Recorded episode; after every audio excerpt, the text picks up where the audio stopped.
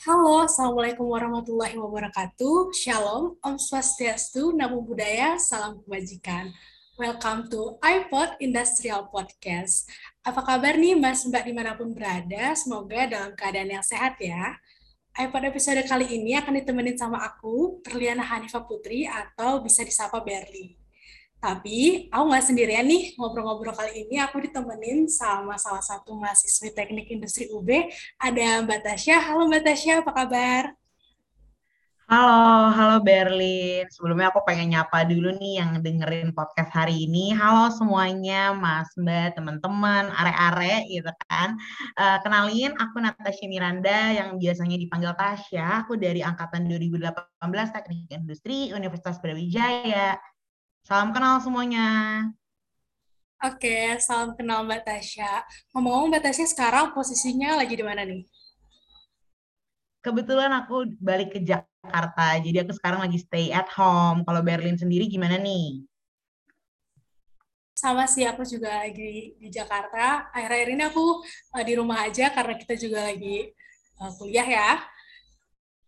Betul, betul banget. Jadi ya udah manfaatin lah ya kembali ke rumah gitu. Jadi nggak perlu ngeluarin duit lagi untuk ngekos dan biaya kehidupan di Malang. Oke, sebenarnya di iPod kali ini kita akan ngobrol-ngobrol santai aja nih Mbak, sama sharing-sharing sedikit seputar hubungan eksternal dan juga pengalaman Batasya selama jadi mahasiswa ini. Uh, dan sekarang kesibukan Batasya ini ada apa aja ya? Waduh, kalau ditanya kesibukan, datanya takut so sibuk gitu ya. Cuman aku mungkin bakal nge-highlight three points aja gitu. Kalau ngomongin kesibukan, of course mahasiswa ya di semester 7 ya skripsi gitu kan.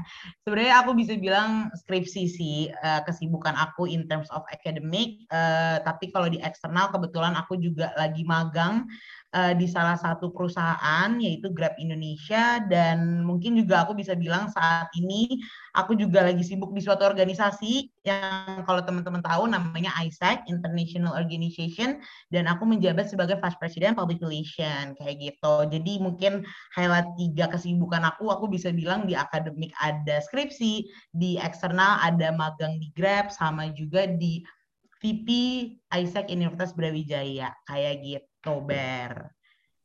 Hmm, gitu. Menarik banget ya nih kesibukannya.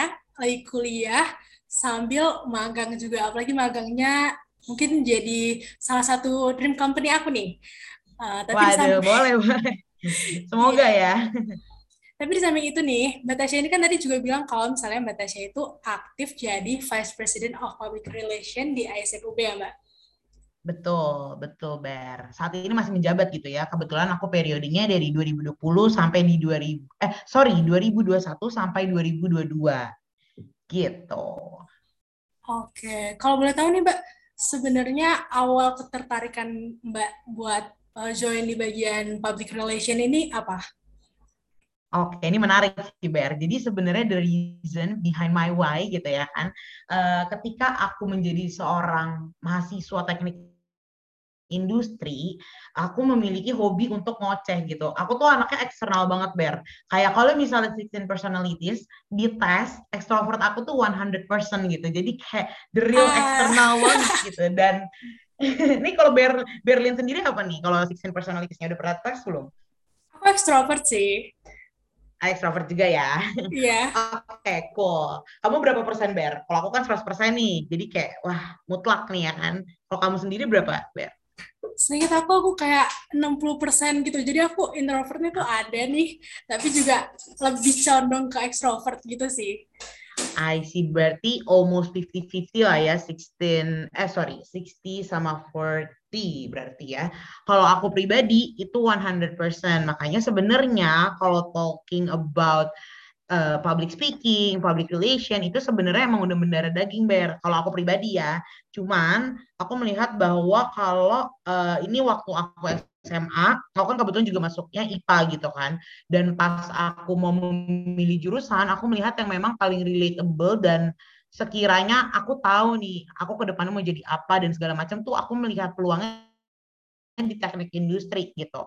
Dan di samping itu, aku tuh tetap suka ngoceh. Jadi kayak Makanya gimana caranya ketika aku kuliah aku tetap ngembangin skills aku atau menjalankan hobi aku dengan join organisasi kayak gitu. Tapi sebelum jam to Isaac gitu, kayak sebelumnya tuh waktu maba aku tuh sempet join juga organisasi sebelum-sebelumnya gitu. Ini lucu sih ceritanya tuh dulu aku pengen apply di bagian kayak kalau di himpunan tuh namanya apa ya hubung uh, yang bagian internal pokoknya hubungan internal yang nge-manage HR HR di dalamnya gitu. Aku ah, tuh iya, pengen a new things gitu ketika aku apa namanya menjabat kuliah gitu. Tapi turns out gitu kan. Dulu aku kebetulan SMA OSIS juga kan. Turns out pas kuliah apply di bagian per HR-an gitu. Aku mah oh PSDM ya kalau di kalian ya. Iya PSDM kalau nggak salah ya, harusnya bener sih. Terus uh, ketika aku mau apply di bagian PSDM, ternyata aku balik lagi nih ke public relation gitu. Jadi kayak kayaknya nggak bisa mempungkiri ya hasil interview aku kayaknya emang udah public relation sejati gitu. Makanya that's why kayak aku ngerasa uh, public relation ini menjadi sesuatu hobi jatuhnya ya. Dan beside that gitu di awal aku join organisasi tersebut gitu, itu kan jatuhnya kayak project gitu ya Ber. Jadi emang nggak long term gitu. Per project itu aja short term. After project itu kelar ya udah gitu. Dan akhirnya aku nyari lagi nih kira-kira organisasi mana yang relatable sama uh, aku untuk ngembangin development skills aku which is si public speaking ini gitu. Terus aku melihat nih kalau misalnya ngomong depan orang Indonesia sih gue pede gitu. Kalau orang bule pede lagi nggak ya gitu. Kayak pasti kan kepe, tingkat kepedeannya berbeda gitu ya Ber. Nah itulah makanya yang ngebuat aku kayak aku coba nih market research di kira-kira di Brawijaya sendiri ada organisasi apa aja sih? Kalau misalnya emang ada international organization, gas aja lah join kayak gitu kan. Terus cari-cari-cari ketemu nih si Isaac gitu. Nah itu tuh aku apply Isaac waktu aku semester 3. Tapi sebelum Isaac aku udah pernah join nih di salah satu organisasi. Ada juga di Malang. Itu uh, juga organisasi di Malang gitu. Nah kalau Isaac ini aku nemu di semester 3 gitu. Kenapa semester 3? Karena dulu baru free-nya di semester 3 gitu, Ber. Biasanya kan kalau anak teknik ngerti lah gitu ya, kenapa di semester 3 gitu kan. Lanjut, hmm, pas aku nyari organisasi ISEC, aku langsung apply. Terus pas apply, aku sama nih, milihnya sama PSDM lagi gitu. Atau di ISEC namanya talent management gitu kan. Ternyata turns out after a long process gitu kayak ada proses CV screening, ada proses FGD, ada proses interview sampai aku probation, itu tuh aku masuknya di eksternal lagi which is di public relation itself gitu. Makanya itu yang ngebuat aku ya udahlah emang kayaknya jodoh gue di public relation nih. Jalan-jalan jalan-jalan sampai akhirnya aku apply as Vice President Public Relation di ISEC Brawijaya. Kayak gitu. Jadi emang sebenarnya hobi dari SMA dari dulu-dulu ngoceh itu udah hobi gitu. Tapi itu bukan menjadi suatu bidang yang contoh ketika orang ada hobi kan orang pengen fokusin di majornya sama kayak hobinya gitu kan. Kalau aku tuh lebih ke arah aku punya hobi tapi aku juga punya sesuatu yang pengen aku pelajarin lebih dalam gitu. Ketika aku SMA aku udah tahu bagaimana cara berpublic speaking misalnya. Tapi memang tidak sebaik sekarang. Tapi ketika aku kuliah aku harus nambah value baru nih. Nah, value barunya itu dapat dari teknik industri gitu. Tapi uh, beside that hobi aku tetap aku kembangin di organisasi. Kayak gitu. Makanya kenapa aku nggak ngambil sekolah atau major PR. Gitu ceritanya, Ber. Jujur menarik banget nih, berarti dari SMA ya, udah mulai menemukan kayak kayaknya nih public relation adalah jalanku gitu ya. Terus ternyata difokuskan. ya. Iya, iya, berarti dari hobi hobi ngoceh terus kayak dialokasikan uh, ke kegiatan yang bermanfaat gitu di uh, PR bagi di organisasi-organisasi gitu ya. Benar, benar, benar, benar. Kayak gitu kurang lebihnya ya. Tapi di setiap uh, hobi gitu, yang aku salutnya itu di bagian pas Mbak itu tertantang untuk uh, PD ngelatih uh, public relationnya itu di international organization gitu sih. Berarti kan ada tahapannya gitu, nggak cuma puas sampai di uh, oh ya aku udah PR, aku udah uh, oke okay nih public speakingnya gitu ya. Betul, betul. And anyways, anyways, Bear, aku tuh juga sempat himpunan. Uh, tapi aku posisinya waktu itu sampai staff aja. Karena kenapa? Karena uh, waktu himpunan itu kan aku apply-nya itu uh, kalau himpunan staff itu di semester berapa aku lupa spesifik semesternya berapa uh, karena di ISEC aku menjabat sebagai vice president gitu which is ketika udah vice president di ISEC tuh udah sibuk lah sibuk banget gitu takutnya ketika aku nanti juga jalan di himpunan takutnya malah nggak balance jadi makanya kayak aku memilih untuk uh, fokus dulu nih di AISA kayak gitu. Tapi aku pernah jadi staff juga nih di himpunan di uh, bagian departemen eksternal kayak gitu. Ah, kebetulan aku sekarang lagi jadi staff magang di Departemen Hubungan Eksternal di dan soalnya aku ngundang Mbak Natasha untuk ngobrol-ngobrol hari ini karena aku pribadi juga tertarik nih sama public relation dan karena ngelihat Mbak Natasha ini Vice President of Public Relation di ISEC UB, aku kayak, wah aku harus ngobrol nih sama Mbak Tasya gitu. Mantap. Yang penting eh, kamu nanti dari magang ini ngeliat deh, kayak pasti banyak pembelajaran yang bisa kamu dapet kayak gitu. Nanti pasti tertantang untuk ngambil high role lagi nih, jadi kepala atau ketua divisi kayak gitu kan? Ah, amin. amin.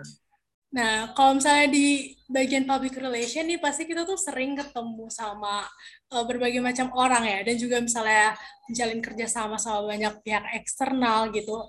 Dan menurut aku itu susah-susah gampang sih, ya nggak Mbak? Betul ini kalau misalnya ngomongin eksternal, beda dong kayak vibes kita ketemu internal. Misalnya nih yang tadinya biasa meeting sama internal, tiba-tiba meeting sama klien atau sama partner gitu. Itu pasti vibes-nya udah beda tuh. Vibes nervousnya ada, terus yang tadinya ini ini aku belajar juga sih Ber kayak mungkin waktu aku SMA aku cuma meeting ya udah aku humas tapi humasnya ya mengkoneksikan antara hubungan dari OSIS ke pihak eh, ke pihak siswa juga gitu. Kayak dari osis ke eh, murid-murid uh, gitu. Dari murid-murid ke osis kayak gitu. Cuman bedanya kalau kuliah kan kita harus nyari partner. Misalnya kayak kamu juga uh, kerja sama-sama HMPI di luar kayak gitu kan. Itu menurut aku yang menjadi tantangan baru nih buat kita. Gitu Nah, kalau dari yang tadi Mbak Tasya jelasin nih, menurut Mbak Tasya ada nggak sih spesifik skill yang dibutuhkan gitu untuk jadi PR supaya um, tujuan yang kita pengen capai itu tercapai gitu? Oke, okay, kalau talking about uh, specific skill ya, sebenarnya gini, uh, aku percaya apa pun itu yang emang kalian pengen kan, misalnya let's say gini, aku pengen jadi pemain bola aku yakin aku bisa jadi pemain bola as long as aku belajar gitu. Tapi berbeda nih ketika orang yang memang sudah punya skill itu dari lahir gitu. Tapi ketika di situ ada willingness, aku yakin semua orang tuh bisa untuk menduduki istilahnya hal yang emang menjadi purpose-nya mereka atau goals-nya mereka. Nah, kayak gitu. Jadi sama sebenarnya public speaking itu nggak bakal bisa tercipta kalau dari kita pribadi nggak ada rasa willingness untuk mau berkomunikasi. Misalnya gini, kayak misalnya Berlin join di eksternal, tapi Berlin ketika disuruh jadi MC atau misalnya disuruh jadi uh, perpanjangan antara pihak HMTI internal ke HMTI eksternal, Berlin masih takut gitu. Di situ Berlin memilih untuk tidak mencalon diri Berlin yang menyebabkan berarti nggak ada willingness di situ kan.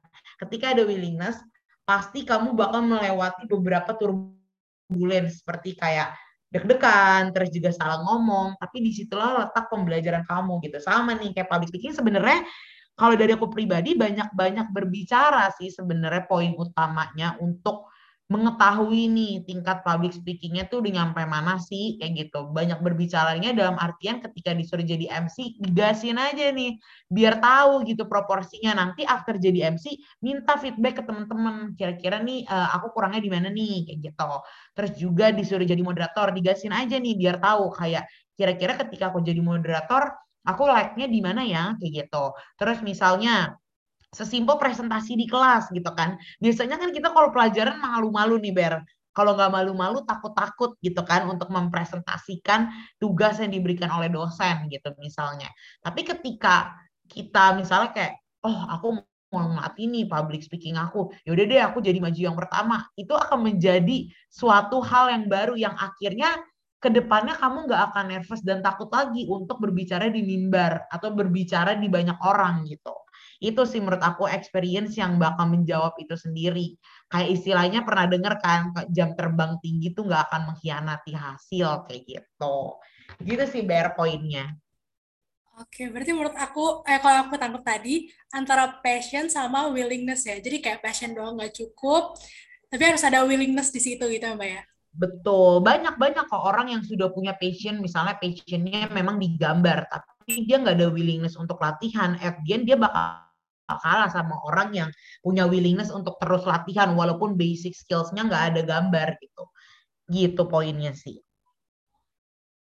Terus biasanya tantangannya itu kayak Mbak Tasya cerita tadi tuh, misalnya kayak outlet takut-takut, takut salah ngomong, atau apa ya, banyak banget gitu loh yang dipikirin, banyak takutnya gitu. Dan yang aku tangkap tadi kayak coba aja berarti ya Mbak. Coba aja nggak usah takut salah ya. coba aja bener. Takut itu wajar gitu.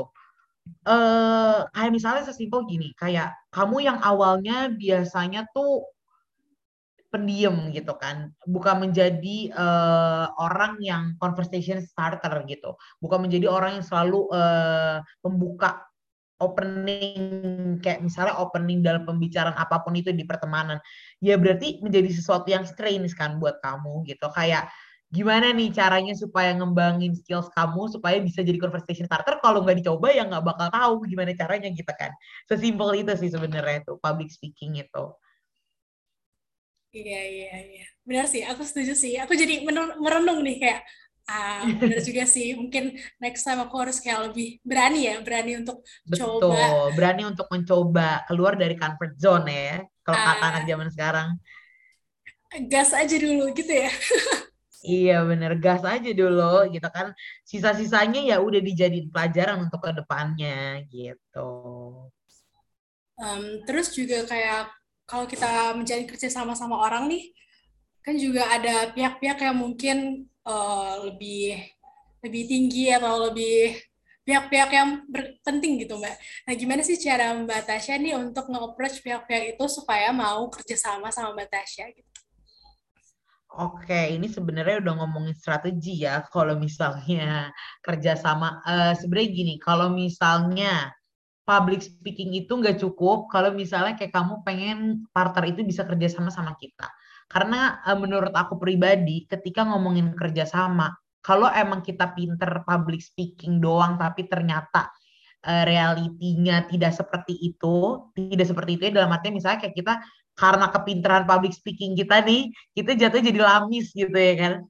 Tapi uh, tidak beneran terjadi gitu. Ternyata di organisasi kita tidak terjadi seperti itu gitu. Itu karena public speaking kita aja yang bagus. Itu jadinya malah bias ya. Jatuhnya kayak kita melebay-lebaykan apa yang ada gitu. Jadi menurut aku kalau misalnya gimana cara meyakinkan partner itu ngomongin strategi.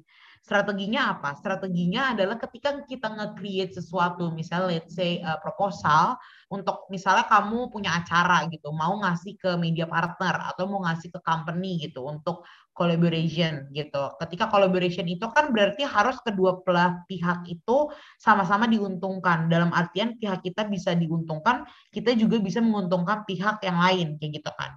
Dan itu gimana caranya adalah kita harus bisa nih mempackage proposal kita sedemikian rupa sehingga partner melihat bahwa menemukan win solution dari pihak kita dan pihak kita juga menemukan win solution dari pihak partner gitu. Jadi itu yang menjadi uh, titik temunya antara uh, partner dan juga kita kayak gitu.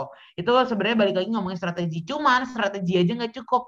Ada juga nih yang suatu company gitu kayak strateginya udah bagus, ternyata PR yang bakal selling ke partner atau sales yang bakal selling ke partnernya jelek gitu. Bukan jelek sih, lebih ke uh, nggak apa ya nggak antusias gitu. Karena gini ketika pak ngomongin public relation juga itu tuh ada pembelajaran ya sebenarnya Ber. Kayak baik dari eh, pengambilan bahasa kita harus misalnya kalau partner yang lebih muda kita berbicara seperti apa kalau lebih tua seperti apa. Terus juga baik dari segi intonasi kamu pasti ketika ada orang gitu, kalau ngomongnya flat-flat aja, nggak ada intonasi naik turun, itu pasti bakal impact ke kamu kan, jatuhnya bosen atau ngantuk kayak gitu kan. Nah itu sih menurut aku yang basic skills yang mungkin uh, kita harus terus coba latihan biar akhirnya kita terbiasa untuk ada di pemilihan bahasa yang baik, terus juga intonasi ada yang baik dan segala macam kayak gitu, Ber.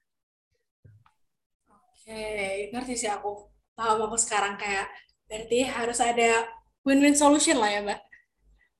Betul, Harus betul. Jadi ada manfaatnya. diuntungkan. Iya. Betul. Nah, kalau tadi kan kita lebih ngebahas tentang public speaking gitu ya, Mbak. Ada nggak sih, Mbak, uh, di PR ini selain public speaking, itu udah pasti ada nggak kayak soft skill lain yang emang Mbak Tasya ngerasa aku belajar nih di public relation ini?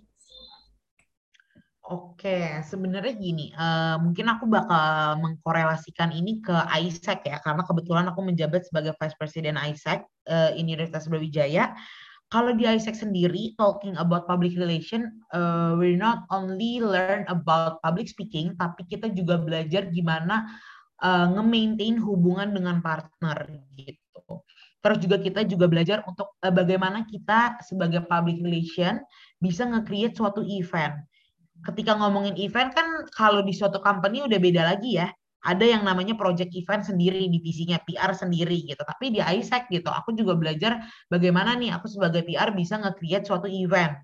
Terus juga aku belajar uh, bagaimana aku bisa nge-create suatu partnership. Partnershipnya itu dalam bentuk media partner, community partner, NGO partner, rektorat, eh, BOA, kayak gitu-gitu, international office. Jadi sebenarnya di ISEC ini luas banget pembelajaran tentang PR-nya gitu bukan cuman mungkin kalau di beberapa hmm, organisasi atau mungkin di beberapa tempat lain, grup lain gitu ya, ada yang memang PR spesifik uh, focusing on humas aja gitu.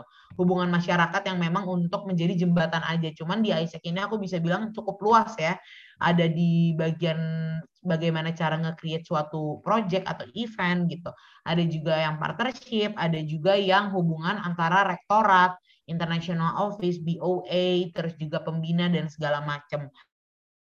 Kayak gitu, Ber. Jadi sebenarnya yang aku bisa bilang public relation aku nih dapat banyak nih, istilahnya dapat banyak skills baru, bukan cuma bisa public speaking, tapi juga bisa negotiation, juga bisa marketing skills, juga bisa uh, istilahnya nge-persuade partner untuk percaya sama kita, bisa partnership juga, terus juga bisa nge-create suatu project atau event kayak gitu. Lumayan banyak ya Mbak yang dipelajarin di PR ini ya.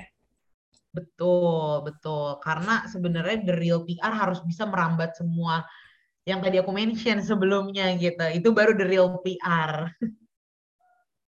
Eh, dari semua yang udah um, Mbak ceritain tadi, aku bisa rangkum itu jadi kayak sebuah interpersonal skill yang bakal Mbak Tasya punya gitu ya. Kayak soft skill-nya tadi dikumpulin menjadi sebuah interpersonal skill yang Mbak Tasya punya yang jadi bekal nih buat Mbak Tasya untuk uh, mungkin ke dunia kerja nanti bisa gitu ya Mbak ya? Iya benar. Uh, ini sih reason aku juga ber karena gini ya, uh, aku ngerasa ya aku pribadi aku orangnya talkative gitu. Ketika aku memilih skills itu, aku menjadikan skills itu menjadi suatu benefit juga gitu. Istilahnya benefit yang aku bisa dapat adalah ketika aku talk aktif, uh, kenapa nggak aku utilize? Aku misalnya kayak jadi moderator atau aku jadi MC aku atau aku jadi speaker gitu. Dan dari situ aku ngerasa ketika aku misalnya jadi diundang jadi moderator atau speaker kayak gitu aku tuh mendapat koneksi baru gitu. Dan menurut aku itu sih plus poinnya karena kita nggak pernah tahu ya Ber kayak koneksi yang kita ketemu hari ini nih siapa tahu ntar eh, uh, 10 tahun atau 15 tahun ke depan akan menjadi rekan kerja kita atau apa gitu itu sih yang selalu aku inget gitu kayak uh, skills aku yang aku punya sekarang which is public speaking aku itu tuh akan berimpact pada future career yang sebenarnya aku pengen tuju gitu dan kalau ngomongin future career, sebenarnya kan di tempat magang aku sendiri, aku merambat sebagai business development and partnership. Nah, korelasinya di mana nih sama PR? Korelasinya adalah ketika ngomongin business development, kita tuh do selling, do selling with partner. Dan ketika kita do selling, kita nggak mungkin dong ngejelasin ke partner dengan nada yang datar, bahasa yang kurang baik, misalnya kayak gitu. Pasti kan kita mau yang terbaik lah buat partner yang terbaik supaya partner bisa percaya sama kita supaya ketika dia percaya bisa menjalin partnership kayak gitu itu sebenarnya korelasinya banyak gitu dan juga misalnya menurut aku ya public uh, public speaking ini menurut aku menjadi value edit yang cukup baik gitu dan cukup banyak diterapkan di berbagai departemen. Karena gini di kerja juga ketika kita apply sebagai uh, bagian HR gitu talent management atau di bagian human resource gitu intinya nggak mungkin dong ketika kita nanti uh, interview orang gitu tapi kita sendiri tidak bisa. Kan istilahnya ketika nginterview kan bakal menjadi representatif gitu kan dari suatu perusahaan.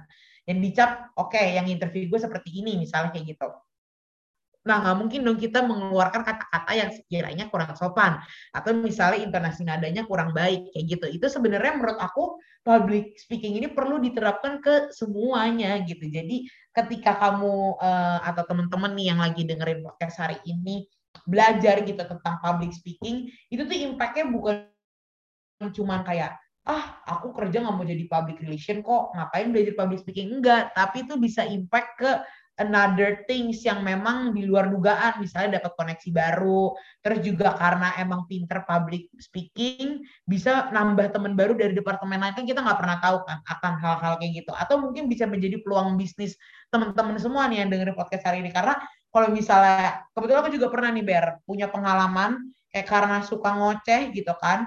Ada orang yang nawarin kayak gimana nih kalau misalnya kayak lo jadi uh, voice over di company gue kayak gitu. Itu sih yang ngebuat aku menurut aku kayak penting banget nih bisa jadi peluang yang baik gitu untuk mengembangkan skills dan juga untuk istilahnya menambah experience baru gitu. Wah, cukup banyak nih ya manfaatnya. Berarti bisa dibilang kalau uh, public speaking itu nggak cuma buat uh, yang mau jadi public relation aja, tapi juga bisa jadi basic skill yang menurut aku semua orang penting buat punya sih. Ya nggak sih, Mbak? Betul, betul. Jadi jatuhnya basic skill. Makanya kayak sekarang tuh kalau uh, di company-company nih, aku kerja nih misalnya contoh di magang gitu kan. Kayaknya mostly semua orang udah pada pinter ngomong sih, Ber. Jadi kayak sekarang nih public speaking ini bukan menjadi suatu yang kayak wow banget seperti dulu gitu. Jadi harapannya kita jangan sampai tertinggal lah kayak gitu. Anyway, kalau misalnya ada nih yang bilang kalau misalnya, oh aku introvert nih, aku nggak bisa nih public speaking, kira-kira tanggapan Mbak Natasha apa nih? Um, Sebenarnya balik lagi, Ber. Kalau ngomongin public speaking itu, dia nggak harus berasal dari orang yang extrovert. Bahkan banyak orang uh, di company aku sendiri pun ada gitu, yang memang dia bekerja di department PR, tapi uh, turns out di 16 personalities, uh, dia introvert gitu. Menurut aku wajar gitu, karena eh, seberapa banyaknya orang ngomong itu kan misalnya contoh, kamu ngelihat nih ketika dia jadi moderator asik, tapi ketika dia di dalam kehidupan nyatanya, ternyata dia nggak seberisi ketika dia jadi moderator atau ketika dia nge-MC kayak gitu. Jadi dia cuma sekedar menjalankan profesionalitas aja gitu. Dan menurut aku ya nggak harus semuanya berasal dari orang yang ekstrovert gitu. Cuman memang kebetulan aku ekstrovert dan ada di suatu tempat yang pas kayak gitu. Jadi nggak perlu struggling untuk istilahnya bermuka dua lah. Bermuka dua dalam artian kayak struggling, oh profesional gue kayak gini, terus juga personal gue kayak gini enggak tapi kayak ya udah personal sama profesional oke okay, uh, eh, gue akan tetap seperti ini istilahnya kayak gitu berisik intinya kayak gitu. Cuman kan memang itu pilihan ya Ber balik lagi ke orang-orang. Menurut aku bisa-bisa aja kok orang introvert bahkan banyak. Di ISEC pun juga ada yang dari PR tapi uh, dia introvert gitu. Jadi menurut aku wajar-wajar aja ya namanya orang mau misalnya siapa tahu dari yang introvert ini mau keluar dari zona nyamannya mau jadi ekstrovert atau gimana kayak gitu kan kita nggak pernah tahu gitu. Jadi menurut aku siapa pun bisa walaupun itu dia berasal dari introvert maupun ekstrovert kayak gitu. Oke, berarti nggak ada ya yang bilang kayak, oh aku introvert, aku nggak bisa, pasti bisa kalau misalnya emang ada willingness tadi ya, Mbak. Mungkin kita balik betul. ke obrolan kita tadi. Terus kalau betul, tadi betul. Mbak Tasya juga cerita tentang kegiatan magangnya, aku bisa dapat simpulnya nih kalau misalnya uh, public speakingnya Mbak Tasya dan pengalaman-pengalaman PR yang Mbak Tasya ini kepake ya, Mbak, di pengalaman magangnya Mbak Tasya ini ya? Betul, karena gini, uh, aku ngerasanya kepake gini, gara-gara aku berisik gitu, gara-gara aku talk aktif, aku jadi dapat connection not only on my department gitu, aku dapat dari departemen lain gitu, karena uh, ketika aku istilahnya gini uh, di Grab juga kebetulan aku sering jadi MC juga nih Bar. Jadi aku ngerasa kayak wah ini ada benefitnya nih ya ketika aku jadi MC departemen lain jadi notice nih kalau aku tuh ada di Grab kayak gitu. Istilahnya jadi dapat kenalan baru. Itu sih menurut aku yang ngebuat aku kayak oh ternyata di samping hobi ada nih value edit yang bisa aku ambil dari uh, public speaking yang aku punya kayak gitu. Berarti bisa banget nih nambah networking sama bisa jadi peluang kerja juga ya, Mbak. Menarik sih. Betul. Bikin aku jadi, oh. ah, aku kayaknya harus dari ketertarikan aku, mungkin aku bisa seriusin kali ya, kayak Mbak Tasya nih. Iya, bener dong. harus bisa. Tapi balik lagi, Ber, kan setiap orang memiliki jalan yang berbeda. Kalau memang kamu melihat kayaknya nih hobi gue ngoceh nih. Lanjutin aja Ber, karena ya itu dia, karena kan ketika punya sesuatu yang istilahnya kamu kembangkan sampai uh, menjurus mendalam dengan detail gitu kan, itu akan menjadi sesuatu yang akan baik lagi impactnya gitu. Oh ya, kalau misalnya dari segi karir nih, um, Mbak Tasya pengennya jadi apa sih Mbak nanti kalau saya udah lulus gitu? Wah, kalau ditanya pengennya jadi apa, semua orang pasti pengen jadi CEO. Itu Mbak Tasya pengen jadi CEO. Mbak Tasya Cuman, pengen jadi CEO ya? iya, CEO-nya itu in terms of uh, apa pun company-nya. Maksudnya aku uh, so far gak punya spesifik uh, company yang aku pengen build gitu. Cuman aku bisa bilang pengen banget sih FMCG company gitu. Punya my own FMCG company. Cuman ya balik lagi gitu itu semua menurut aku harus bertahap. Ketika goals aku CEO, aku harus bisa nih ngerasain dulu dari bawahnya nih gitu kan. Mungkin saat ini sekarang lagi di bawahnya gitu kan, tapi hopefully banget gitu kan. Ini teman-teman semoga yang dengerin juga nih sampai di titik sekarang, aku doain juga gitu ya. Semoga kita bersama bisa menjadi CEO gitu atau at least kita bekerja di satu company yang memang istilahnya udah sesuai dengan purpose goals kita saat ini gitu. Jadi itu sih kalau ditanya pengen jadi apa, pengennya sih jadi CEO. Cuman prosesnya itu panjang. Nah, selamat berproses untuk kita semua yang mau jadi CEO. Amin ya, aku doain juga sama teman-teman pendengar di sini juga doain semoga Mbak Tasya bisa nih jadi CEO. Nah untuk jadi CEO Amin. kan tadi Mbak Tasya cerita kalau uh, stepnya itu enggak mudah lah ya, nggak nggak pasti itu bakal panjang banget dan apa nih istilahnya kayak anak tangga yang akan Mbak Tasya lewati. Ada nggak plan Mbak Tasya gitu? Oke, kalau ngomongin uh, untuk nyampe di titik CEO, itu plan aku ya sebenarnya gini Ber, kayak aku tuh udah punya planning after graduate, aku udah harus kerja gitu. Uh, jadi gini, aku tuh pengen banget abis lulus gitu, aku tuh udah langsung kerja at least kerjanya itu tuh ya satu tahun lah. Satu tahun menurut aku cukup terus aku continue uh, untuk ngambil uh, best uh, master degree gitu. Master degree-nya aku tuh pengen spesifiknya sebenarnya di bisnis bear kenapa? Karena turns out ketika belajar di teknik industri aku tuh lebih spesifiknya lebih suka di management things which is kayak lebih relatable-nya ke bisnis sebenarnya. Makanya kayak aku pengen banget uh, untuk master degree aku, aku ambil di bagian business administration dan jujur pas S2 juga pengennya tuh pakai beasiswa gitu. Jadi kalau misalnya S2 nggak beasiswa, ya udah dicoba lagi sampai beasiswa kayak gitu. Terus after S2 sebenarnya aku pengennya juga tinggalnya sebenarnya di luar sih, Ber. Aku tuh punya goals kayak, nih abis S2 nih ya udah nih stay dulu di luar berapa tahunnya masih belum tahu gitu. Yang penting stay dulu di luar. Kalau dapet amin jodohnya di sana juga amin gitu kan. Nah kalau misalnya ngerasa boleh. kayak eh, eh, sekalian doain jodoh ya. Jadi ya gitu. Kalau misalnya emang dapet jodohnya di sana ya amin bakal stay di sana. Cuman ya aku bisa bilang kayak after S2 sebenarnya aku fokusingnya di luar negeri sih, specifically di Belanda gitu. Aku pengen banget ngambil S2 sebenarnya di Belanda, Ber gitu. Dan of course pakai scholarship. Gak mau aku biaya sendiri karena udah cukup ya S1 dibiayain orang tua gitu. Kayaknya udah harus lebih ini lagi gitu. S2 harus menggunakan upaya sendiri gitu kan jadi uh, ya udah gitu abis S2 aku tinggal di sana dan mungkin aku uh, kalau ngomongin kerjaan sebenarnya ya itu goalsnya sebenarnya pengen jadi CEO gitu. Cuman ya aku seiring berjalannya waktu gitu aku percaya ketika aku nanti udah menyandang gelar S2 aku tuh bisa at least jauh di atas jabatan aku yang pertama kali aku istilahnya kerja gitu ketika aku lulus kayak gitu itu harapan aku seperti itu sih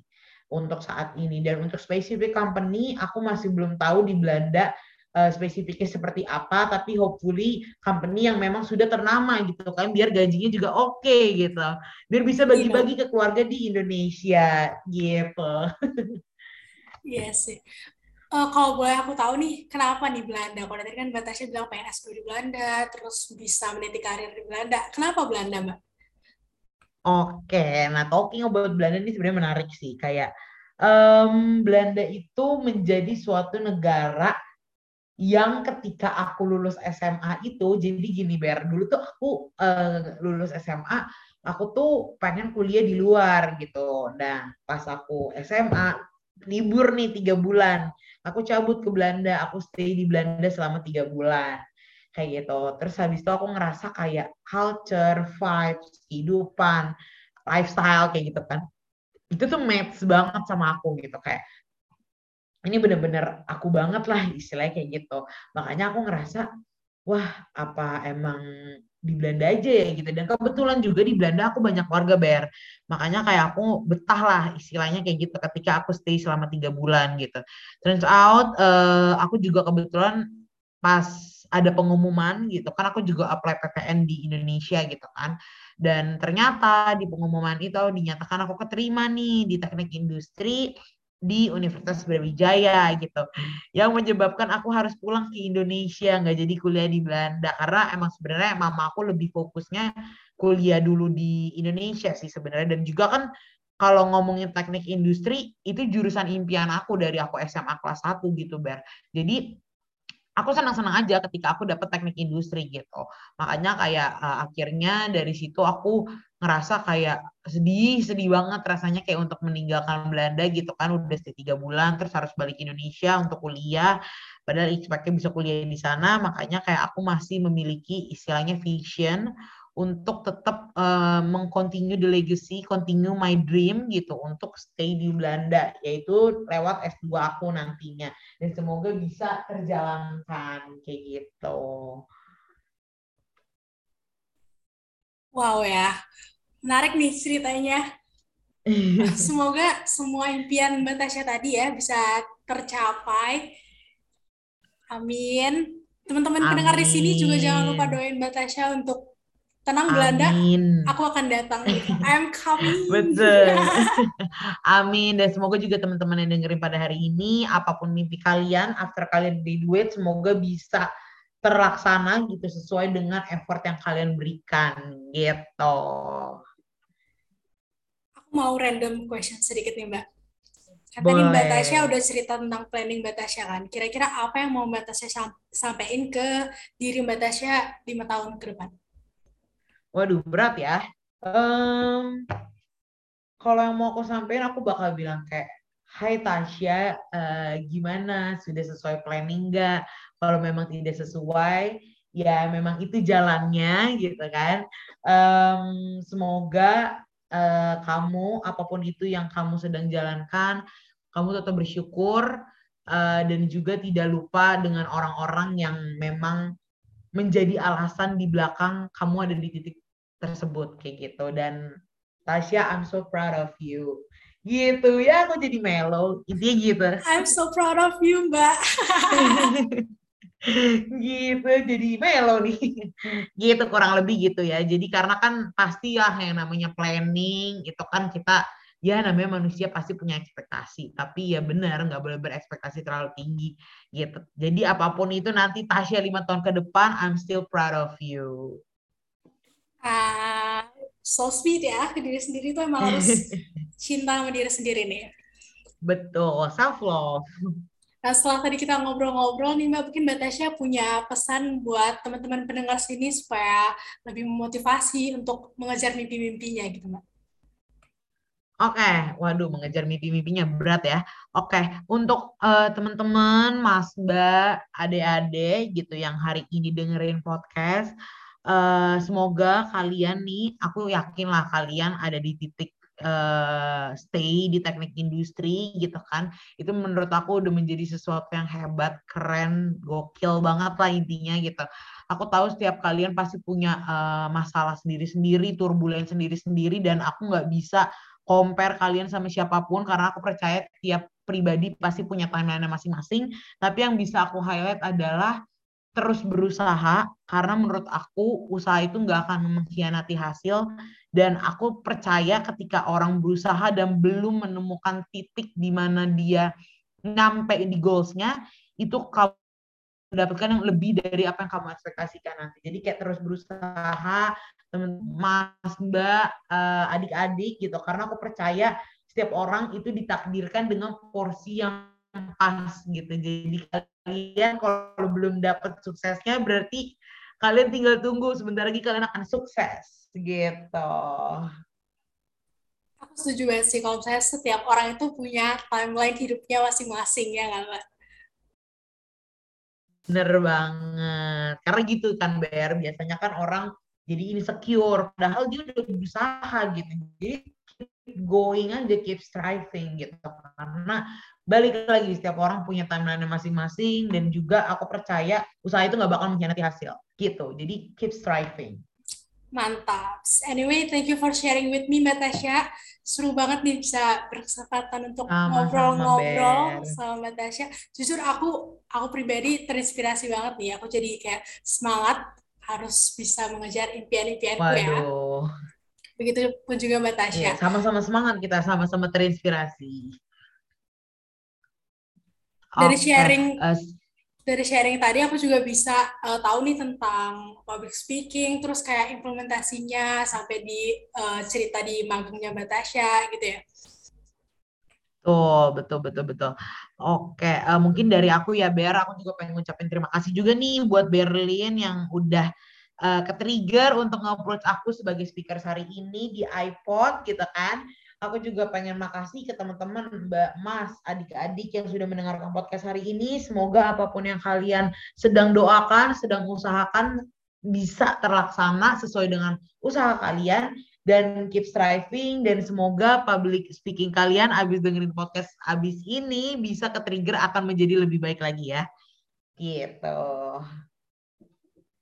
Iya, sama-sama Mbak Tasya. Dan juga untuk Mbak Tasya nih dan teman-teman pendengar di sini, aku mau ingetin buat jaga kesehatan selalu dan tetap patuhi protokol kesehatan nih. Dan jangan lupa untuk selalu dengerin iPod di Spotify dan sampai jumpa di episode selanjutnya. Bye. Assalamualaikum warahmatullahi wabarakatuh. Sampai jumpa. Bye. Bye.